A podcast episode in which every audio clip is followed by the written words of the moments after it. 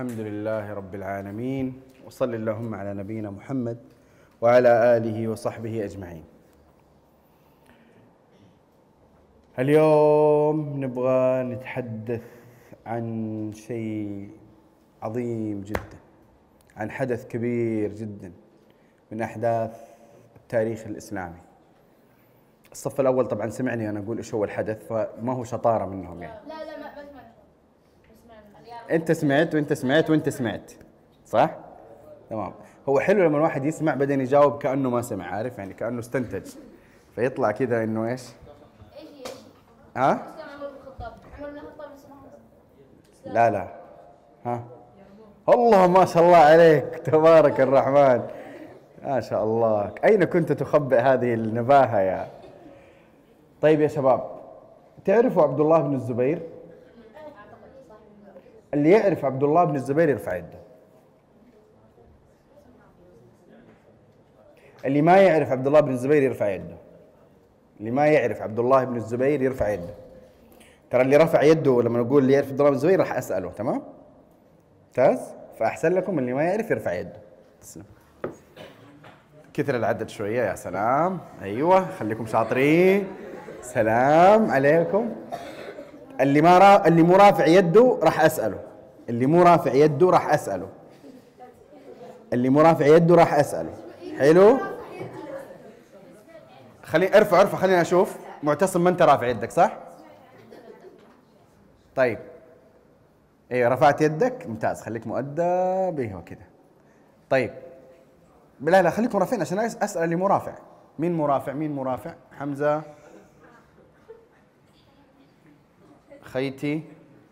مين مو رافع؟ محمد شريف عبد الوهاب. يلا بختار لي واحد أسأله. أسألك أنت. رافع يدك. مين وراك؟ عبد الله البيضاني فين أحمد فارس؟ فينه؟ فين أحمد فارس؟ أحمد فارس. ماذا تعرف عن عبد الله بن الزبير؟ صحابي ممتاز.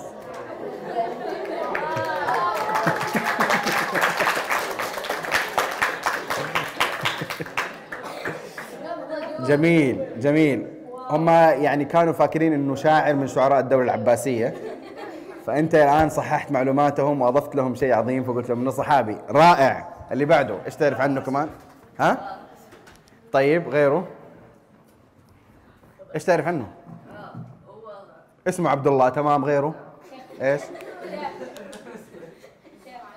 لا لا تكلم من جد والله. إيش فيه معلومات عن عبد الله بن الزبير اصبر شوي اصبر. لا. عبد الوهاب. خير. لا ها.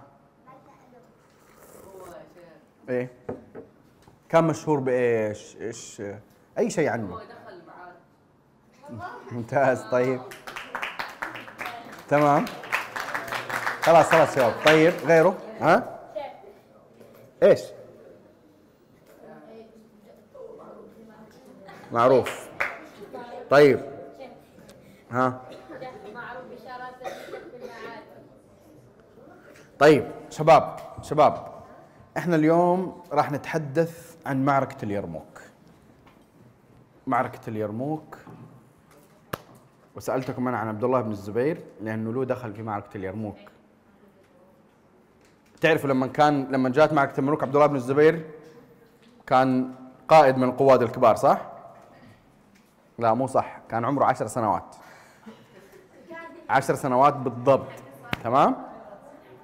عبد الله بن الزبير كان عمره عشر سنوات وكان راكب فرس في معركة اليرموك تحت إشراف يا عبد المنعم تحت إشراف والده الزبير بن العوام رضي الله تعالى عنه.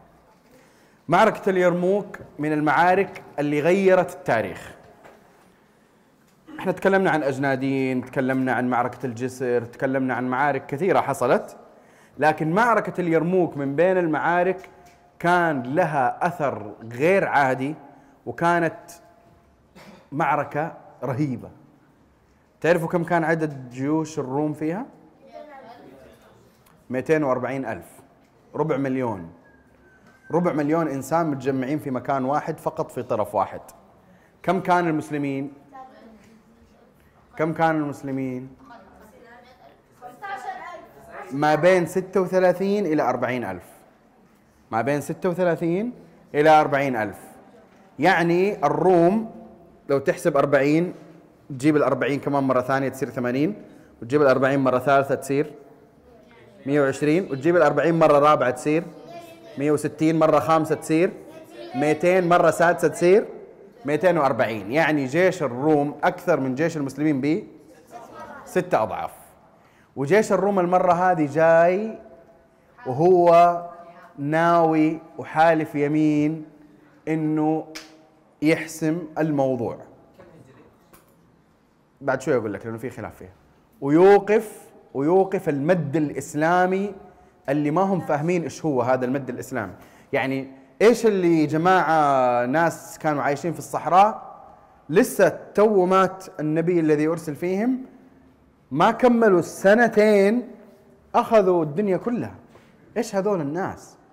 لذلك تعرفوا إنه أمير أو مسؤول أو قائد أو ملك الروم كلهم اللي يلقب بإيش؟ اللي هو قيصر. اللي هو هرقل تمام؟ قبل ما تبدأ معك ترموك قال لهم قال للنصارى ال- البطارقة والرجال الدين هذول قال لهم يا جماعة يا جماعة أنا أنصحكم طاوعوني خلونا ما نقاتل هؤلاء الناس. ليش كان يقول هذا الكلام؟ لأنه هو كان يعرف في قرارة نفسه إنه إنه النبي صلى الله عليه وسلم هو رسول من عند الله وكان يعرف إنه حينتصروا. طبعا البطارقة والأمراء رفضوا صرخوا نخروا نفروا. فهو طاوعهم وأبى أنه يتبع الحق. اللي جاء أول في مكان المعركة مين هم؟ الروم. الروم. جو أخذوا مكان في المعركة عند نهر اليرموك. تمام؟ وصفوا 240 ألف. وجاء المسلمين من المدخل اللي يدخلوا للساحة هذه الكبيرة وعسكروا 36 إلى 40 ألف. لما جلسوا يجلسوا ينظروا بالجيش اللي أمامهم 240 ألف سايرين عارفين زي إيش؟ سايرين زي الجبل. كأنهم جبل من الرجال جبل من السيوف جبل من الكتائب. أنت تنظر ما تشوف أمامك إلا السواد. يا جماعة ربع مليون إنسان ربع مليون في مكان واحد. شيء مهول مهيب لا يكاد يتصور. المسلمين ينظروا جاء واحد من المسلمين قال ما أكثر الروم وأقل المسلمين؟ خادم وليد سمعه زعل. قال له تخوفني بالروم يعني؟ تخوفني بالروم؟ النصر ما يكون بالعدد.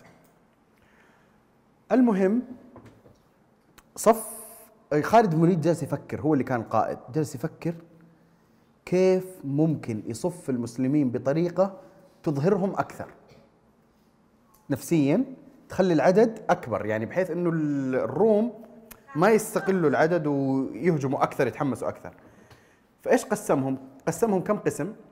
إحنا عادة كنا لما خالد وليد كيف يقسمهم؟ إنه كان يقسم ميمنة وميسرة وقلب وأحيانا قلب خلفي والمؤخرة الجيش صح؟ تعرف هذه المرة كم قسمهم؟ 20 2 12 شكل قسمهم ما بين 36 إلى 40 قسم كل ألف كل ألف كتيبة. كل ألف يوقفوا مع بعض كتيبة. ألف ألف ألف ألف ألف ألف ألف. كانوا يسموها الكراديس. كتائب كتائب كتائب كتائب كتائب.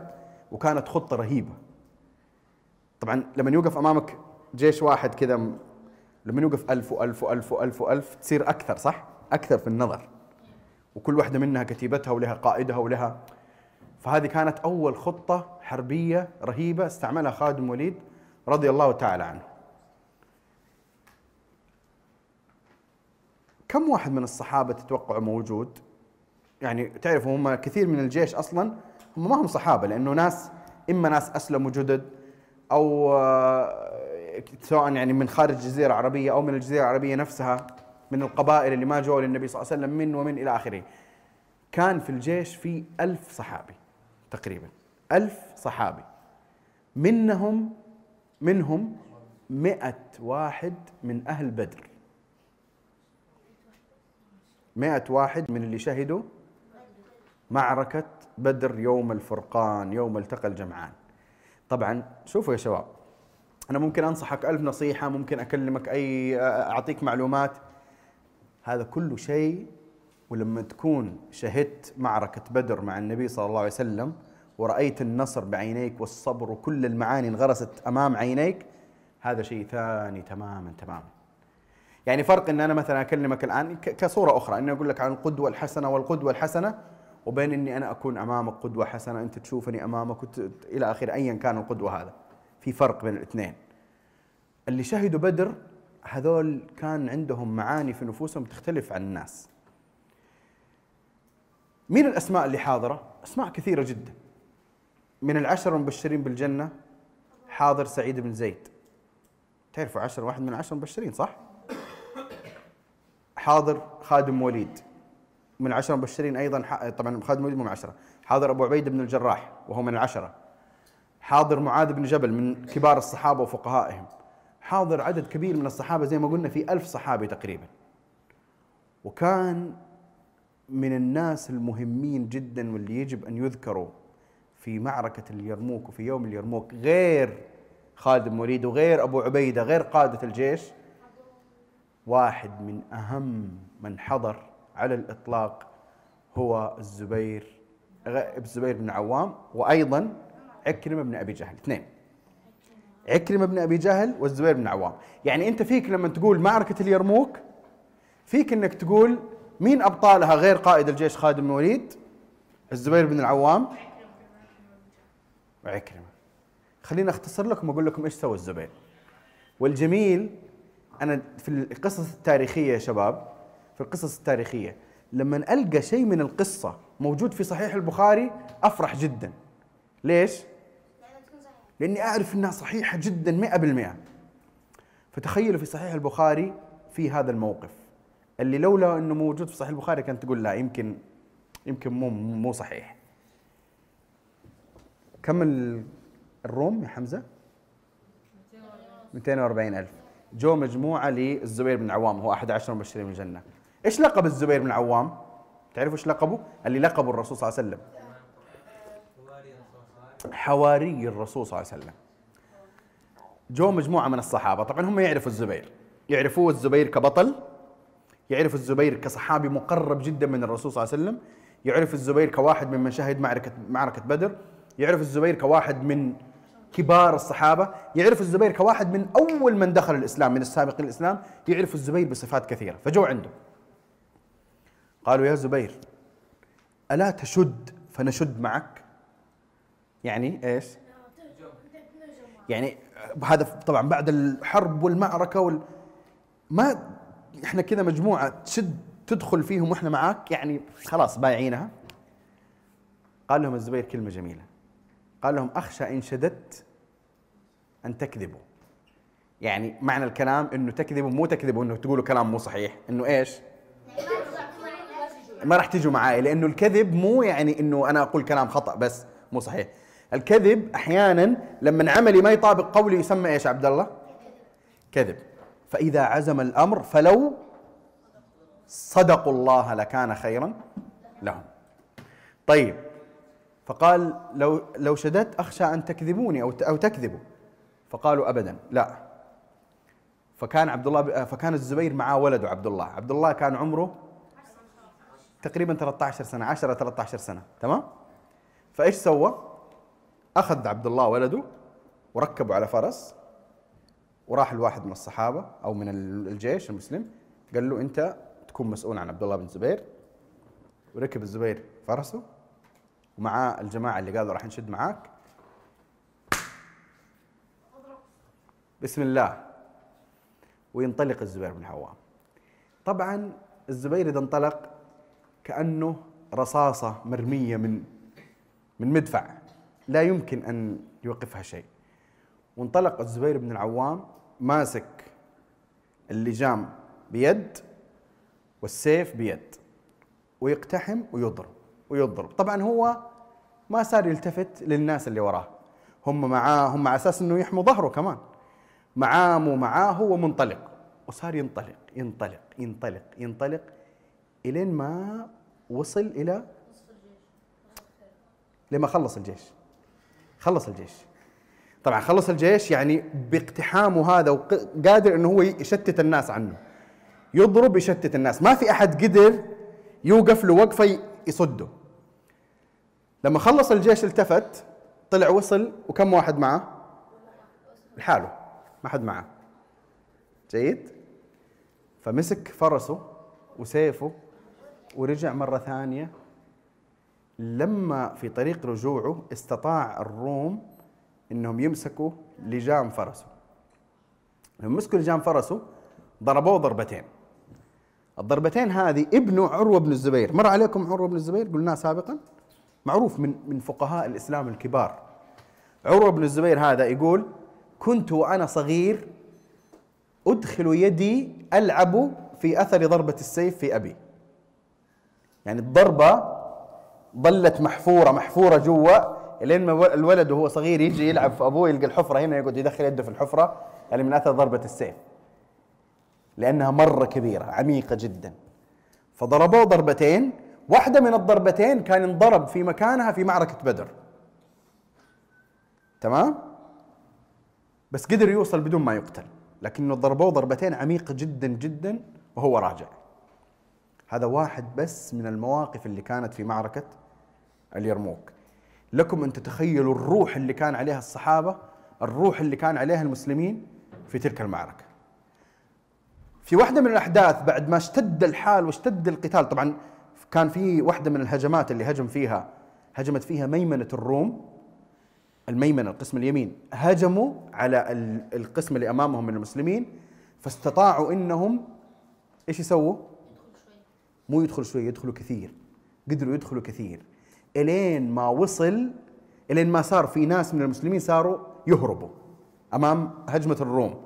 لما هربوا وصلوا للمعسكر الخلفي حق المسلمين اللي هو فيه الخيام والقدور والنساء والنساء. فصاروا النساء ياخذوا عصي ويضربوا المسلمين الهاربين. ارجعوا يضربوهم. فصاروا يرجعوا يستحوا يرجعوا.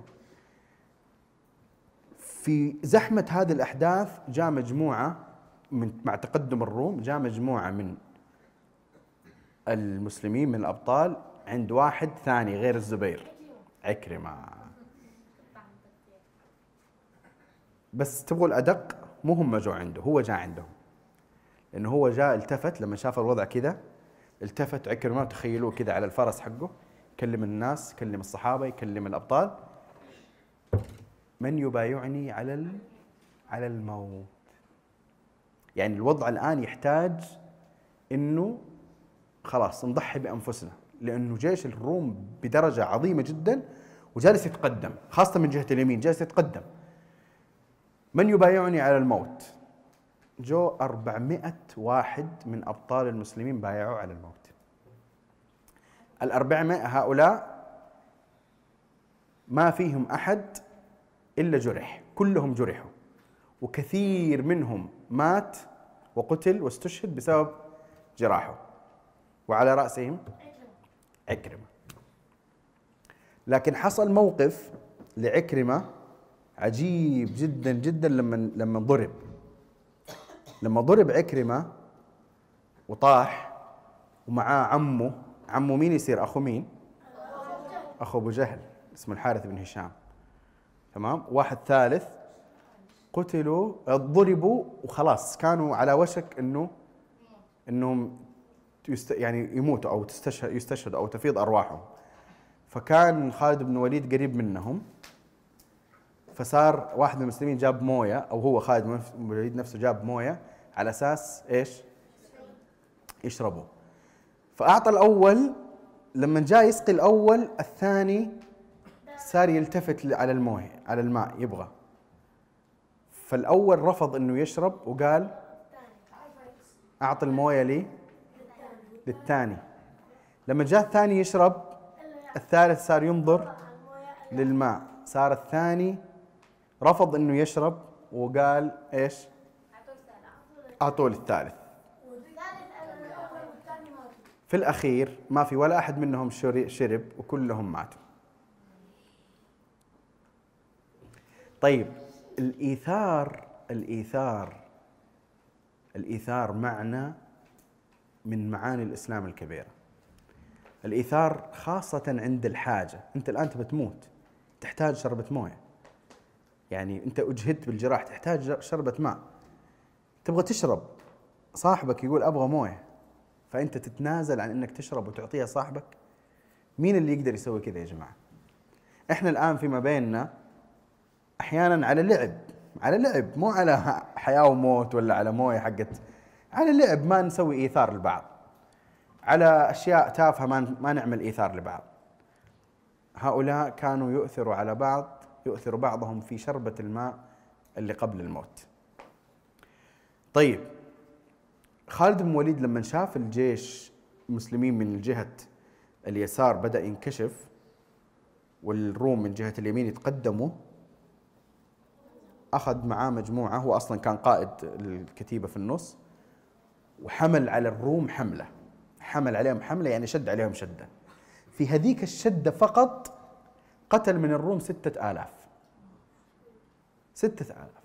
حد شد عليهم شدة إلين ما رجعهم وخلال الترجيع هذه قتل منهم ستة آلاف. تتوقعوا القتال استمر من الساعة كم إلى الساعة كم؟ ستة أيام. من الصباح إلين الليل. قتال. قتال. قتال. قتال. في اليوم ما أعرف أي نسيت أي يوم بالضبط يمكن الثالث أو الثاني. جاء واحد من جهة المسلمين من وراء على خيل. يركض. يركض ركض سريع جدا. يبحث عن خادم وليد. وصل إلى خادم وليد. الناس عرفوا هذا الجاي مين هو. مين هو؟ لا مو باسمه مو باسمه عرفوه بصفته. الرسول أيوه رسول. يعني صح يسموه صاحب البريد اللي هو جاي برسالة. هذا جاي من فين؟ من المدينة جاي من المدينة. المدينة مركز إيش؟ مركز الخلافة مركز القائد الأعظم للمسلمين. خير إن شاء الله. إيش الرسالة هذه اللي جاية؟ يا رب تكون خير. وجاء إلين خادم وليد وصار يكلمه في أذنه ومعاه كتاب كتاب اللي هو الرسالة هذه. كلمه وأعطاه الرسالة. الرسالة تقول مات أبو بكر الصديق وتولى عمر بن الخطاب وأمر بانه القيادة تتغير من خالد بن الوليد إلى أبو عبيدة. خالد بن الوليد ما قال ولا شيء لأي أحد من الناس عشان ما يصير في أي لخبطة أو تتأثر النفسيات لما تعرفوا لما يعرفوا إنه مين اللي مات؟ خليفة المسلمين. إلين ما انتهى كل شيء وأخبرهم بعد الانتصار.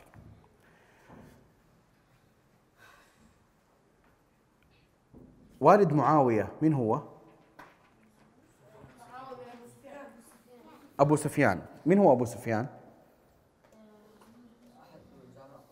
اللي كان هو قائد قريش في من بعد ما قتل أبو جهل كان هو قائد المشركين الأعظم صح؟ في معركة أحد هو اللي صرخ اللي قال آه، إن هؤلاء قتلى اللي هو الرسول صلى الله عليه وسلم وابو بكر وعمر. تذكروا لما كلمتكم عنه من عمر ما تحمل. أبو سفيان كان دخل في الإسلام متى؟ في فتح مكة. لم يظهر موقف قوي لأبو سفيان في الإسلام قبل معركة اليرموك يعني كان له بعض المواقف بس كموقف مشهور في معركة اليرموك ظهر له مواقف كبيرة أول شيء أول شيء إنه كان جندي عادي ما كان قائد وأبو سفيان إيش تاريخه؟ مو قائد عادي كان قائد قائد المشركين كلهم جيد؟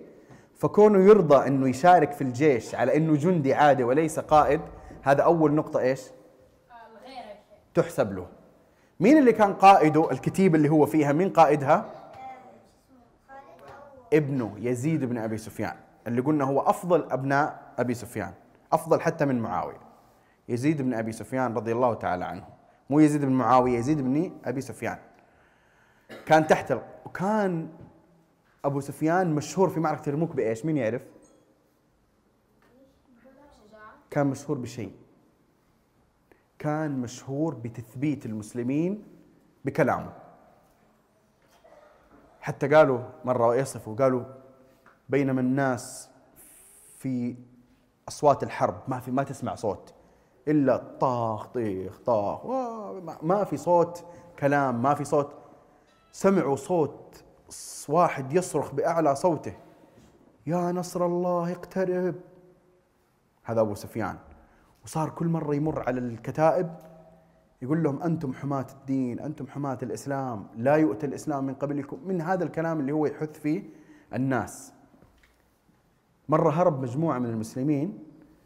هذا التثبيت التثبيت في ذاك اليوم كان يشارك فيه عدد من الأشخاص من أشهرهم أبو سفيان ومنهم معاذ بن جبل ومنهم مجموعة من الناس. واحد مرة هرب من المسلمين تلقاه واحد من المسلمين قال له إن الله اشترى من المؤمنين أنفسهم وأموالهم بأن لهم الجنة.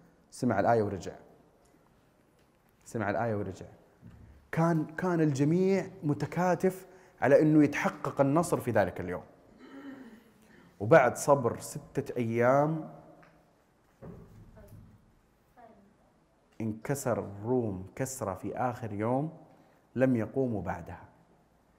وبلغ عدد القتلى من الروم خلال الأيام ستة قرابة مئة ألف. ومن ومن المسلمين استشهد ثلاثة آلاف. ثلاثة آلاف. مئة إلى مئة وعشرين ألف أو أكثر. نص الجيش تقريبا. كمان هم ربطوا أنفسهم بالسلاسل مرة أخرى. وصار أحيانا يسقط واحد منهم في الوادي واحد. يسحب معاه العشرة. هم كل عشرة بسلسلة. يسحب معاه البقية. هم ربطوا أنفسهم عشان إيش؟ هم قادتهم اللي ربطوهم طبعا عشان ما يهربوا. والمسلمين كان إيش اللي يثبتهم؟ التذكير الوعظ. عكر عكر بن أبي جهل كان يقول كان يقول في ذاك المواقف الشديدة كان يقول أنا حاربت النبي صلى الله عليه وسلم ثم أفر من الروم؟ والله ما أفر من الروم. وكان يقول قبل كذا والله ما أقوم ما قمت مقام حاربت فيه الرسول صلى الله عليه وسلم إلا سأقوم مثله في محاربة أعداء الإسلام. وانتهت المعركة بانتصار المسلمين انتصارا عجيبا عظيما كبيرا. لما شرد وهرب بقايا الروم ووصلوا إلى هرقل ركب هرقل دابته وأخذ مع الناس صعد على مرتفع والتفت إلى الشام وقال الوداع. وداعا لا رجوع بعده كان يعرف تماما إنه سينسى شيء اسمه الشام وقال والله لن يدخلك لن يدخلك رومي بعد ذلك إلا خائفا. لأنه عرف تماما إنه ب- بهذا الانكسار الكبير لن يبقى للروم بقية في الشام. مع إنه الشام كانت هي العاصمة لهرقل. انتهت معركة اليرموك وانتهى معها العصب الأكبر والأقوى للروم في بلاد الشام. ونكمل في اللقاء القادم إن شاء الله. نكمل في اللقاء القادم بإذن الله تعالى في ميدان آخر في نفس المرحلة وفي نفس الوقت بعده بقليل. ولكن في العراق. لنقف مع معركة لا تقل خطورة ولا أهمية عن معركة اليرموك وهي معركة القادسية. بالمناسبة القعقاع كان واحد من القادة في معركة اليرموك؟ قعقاع بن عمرو واحد من جيش. طيب يا شباب أنا أبغى أبغى ثلاثة أو أربعة منكم يجوني هنا ويتكلموا عن فوائد استفادوها من قصة اليرموك. مين حاب يطلع؟ عبد الرحمن؟ تعال. تعال هنا. خلي هنا.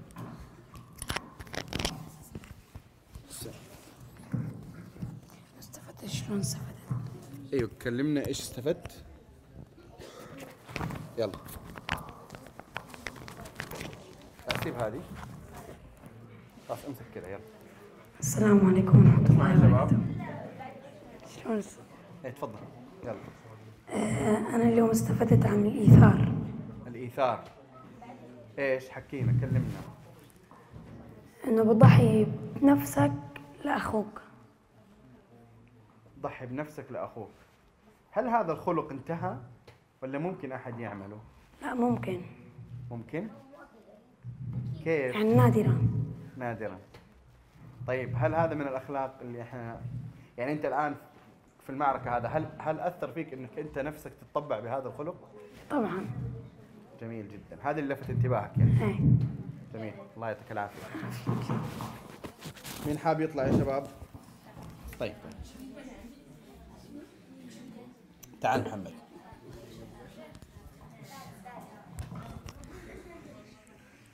امسك هذا بعد.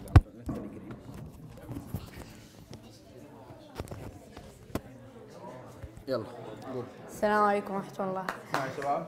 أنا في هذه الحصة استفدت ثبات الإيمان اللي اللي كان عند المسلمين آه، المسلمين.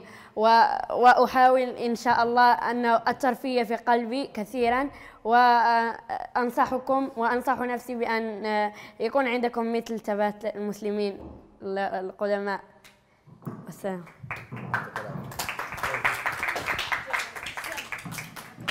طيب شباب مين عنده شيء يريد أن يقوله فيما يتعلق بمعركة اليرموك؟ شيء يريد أن يقوله.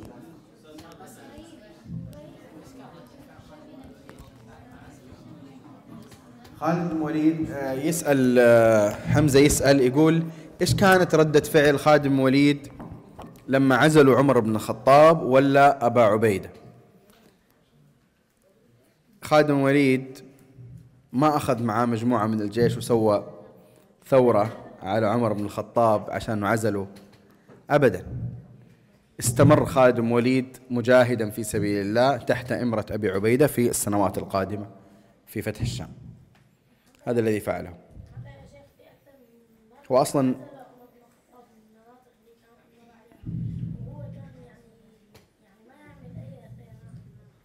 صحيح.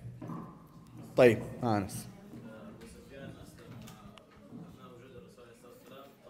أيوه أيوه. أبو سفيان أسلم في في فتح مكة.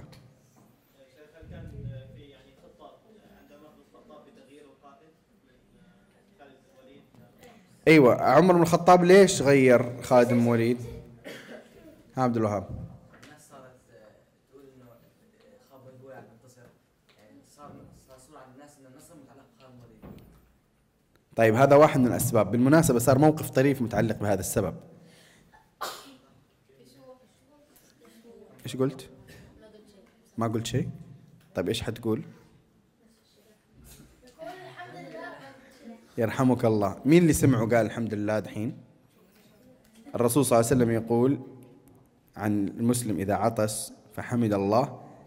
هذا حديث صحيح في البخاري ها؟ حق على كل مسلم سمعه. كمل يا سعد. على اللي عطس فحمد الله فحق على كل مسلم سمعه أن يشمته. يعني أن يقول له يرحمك الله. حق على كل مسلم سمعه أن يشمته. طيب إيش كنت مين كان يقول؟ أيوة. صار موقف طريف في قضية سي... آه، التعلق بخالد بن وليد. جاء له واحد من الروم. طبعا بن وليد صارت سمعته بعد المعارك عند الروم مرة كبيرة. فقبل المعركة طلع واحد من قادة الروم وطلب إنه هو يتكلم مع خادم وليد. ولما تكلم مع خادم وليد كان من الأشياء اللي سألوا إياها قال له هل نزل سيف من السماء من عند الله وأنت أخذته؟ فقال له لا. فقال فلماذا يلقبونك يلقبونك بسيف الله؟ يعني حتى الروم كانوا عارفين إنه سيف الله هم يعني على بالهم إنه في سيف من من السماء نزل من عند الله وهو صار يقاتل فيه. جيد فخالد بن الوليد وضح له إنه هذا لقب لقبني فيه النبي صلى الله عليه وسلم بسبب مدافعته عن الإسلام وقتاله اعداء. طيب إحنا نقول عمر بن الخطاب عزل خالد بن الوليد واحد من الأسباب إنه حتى ما يتعلق الناس أكثر بخالد بن الوليد ويظنوا انه النصر هو مرتبط بخالد فقط. والشيء الآخر إنه كان في أصلا اختلاف في وجهات النظر بين أبو بكر الصديق رضي الله عنه وبين عمر بن الخطاب في وقت حياة أبو بكر الصديق حول من الأولى بالقيادة هل هو أبو عبيدة أم خادم وليد؟ فكان أبو بكر الصديق يرى إنه مين؟ خادم وليد ولا عنده نقاش في هذه القضية. عمر بن الخطاب كان يميل من زمان إنه إنه أولى بالقيادة مين؟ أبو عبيدة. فهو لما تولى نفذ وجهة النظر اللي هو أصلا من زمان يراها هي المناسبة. جيد؟ لأن هو هو يرى يعني آه عمر بن الخطاب يغلب جانب إنه أبو عبيدة إيش؟ إيش لقبه؟ أمين هذه الأمة. يعني يلقب أيوه لا هو ما غلب الجانب العسكري الآن عمر بن الخطاب. هو غلب جانب آه، عظم عظم الشخصية من ناحية الأمانة وال- والسبق في السبق في الإسلام والمكانة في الإسلام من ناحية الشخصية عموما. جيد؟ مع أنه عسكريا خادم وليد أعلى وأقوى وأخبر من أبو عبيدة. فأبو بكر الصديق كان وجهة نظره أنه العسكرية هنا هنا أولى وأنه خادم وليد هو القائد الذي يجب أن يولى. في شيء آخر اللي هو أنه أو هذه من الحكمة أيضا إنه لما يكون القائد الكبير يميل إلى الشدة من الحسن إنه هو يولي واحد يميل إلى إيش؟ إلى اللين فأبو بكر الصديق بشكل عام يميل إلى اللين صح ولا لا؟ وإن كان في سنوات خلافته كان حازما لكن بشكل عام كشخصية أبو بكر إيش؟ في مقابل شخصية عمر إيش؟ الشده والقوة صح؟ ف- فابو بكر الصديق كان يولي خالد ابن الوليد. عمر بن الخطاب كان يولي أبو عبيده اللي هو أصلا يميل إلى إيش؟ إلى اللين. معروف أبو عبيده يميل إلى اللين والمصالحة وال الدعوة وما إلى ذلك. بينما خادم الوليد كان يميل إلى القوة والقتال والنصر للإسلام بال- بالسيف وإلى آخره. واضح؟